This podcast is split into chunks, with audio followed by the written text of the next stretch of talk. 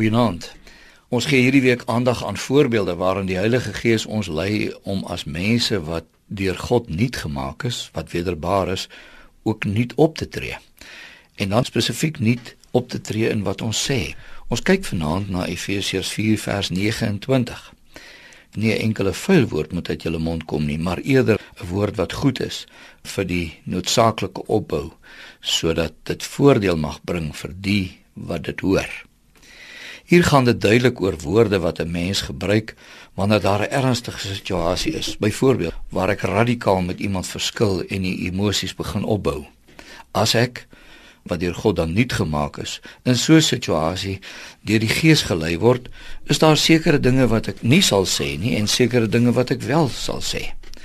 Hoor weer wat ek nie behoort te sê nie. Nie 'n enkele vuil woord moet uit jou mond kom nie. Hierdie sin sou ook kon vertaal word nie 'n enkele woord wat verrotting veroorsaak moet uit jou mond kom nie as gelowiges, as mense wat deur Jesus Christus verlos is en wat deur die Heilige Gees gelei word in 'n emosioneel hooggespanne situasie kom, moet ons nie verrottend praat nie. Nie met my woorde dinge verder deurmekaar krap, mense nog meer kwaad maak en emosies hoër laat styg nie. Inteendeel, in so 'n situasie is dit uiters noodsaaklik dat daar gebou word en nie afgebreek word nie. Hier staan uit julle mond moet eerder kom oor die aanhaling wat goed is vir die noodsaaklike opbou. U hoor dit seker ook. Om in so 'n situasie te praat, eis behoorlike besinning. Ek moet dit wat besig is om te gebeur verstaan in die situasie sodat ek weet wat ek moet sê of nie sê nie. Weet hoe kan ek opbouend praat en nie verrottend nie. Maar hierdie vers stel dit nog sterker. Die woorde wat ons in so 'n situasie gebruik moet 'n woord wees wat goed is vir die noodsaaklike opbou sodat dit voordeel mag bring vir die wat dit hoor.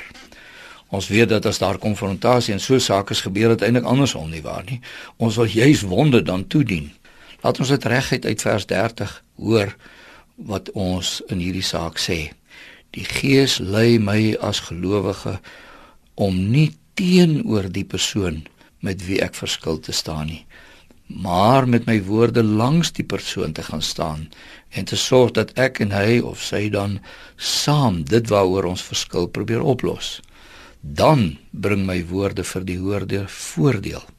Dit is interessant dat die woord voordeel wat hier gebruik word letterlik vertaal eintlik genade is. En dit wat ek in so 'n konfliksituasie sê, moet daar iets van God se genade in ons lewe deurbreek dit moet die ander persoon laat beleef dat God ons uit hierdie konfrontasie situasie gelei het. Kan dit anders as dat God se genade deurbreek wanneer gelowiges in hulle verskille met mekaar hulle deur die Gees laat lei om hulle verskille op te los? Goeienaand.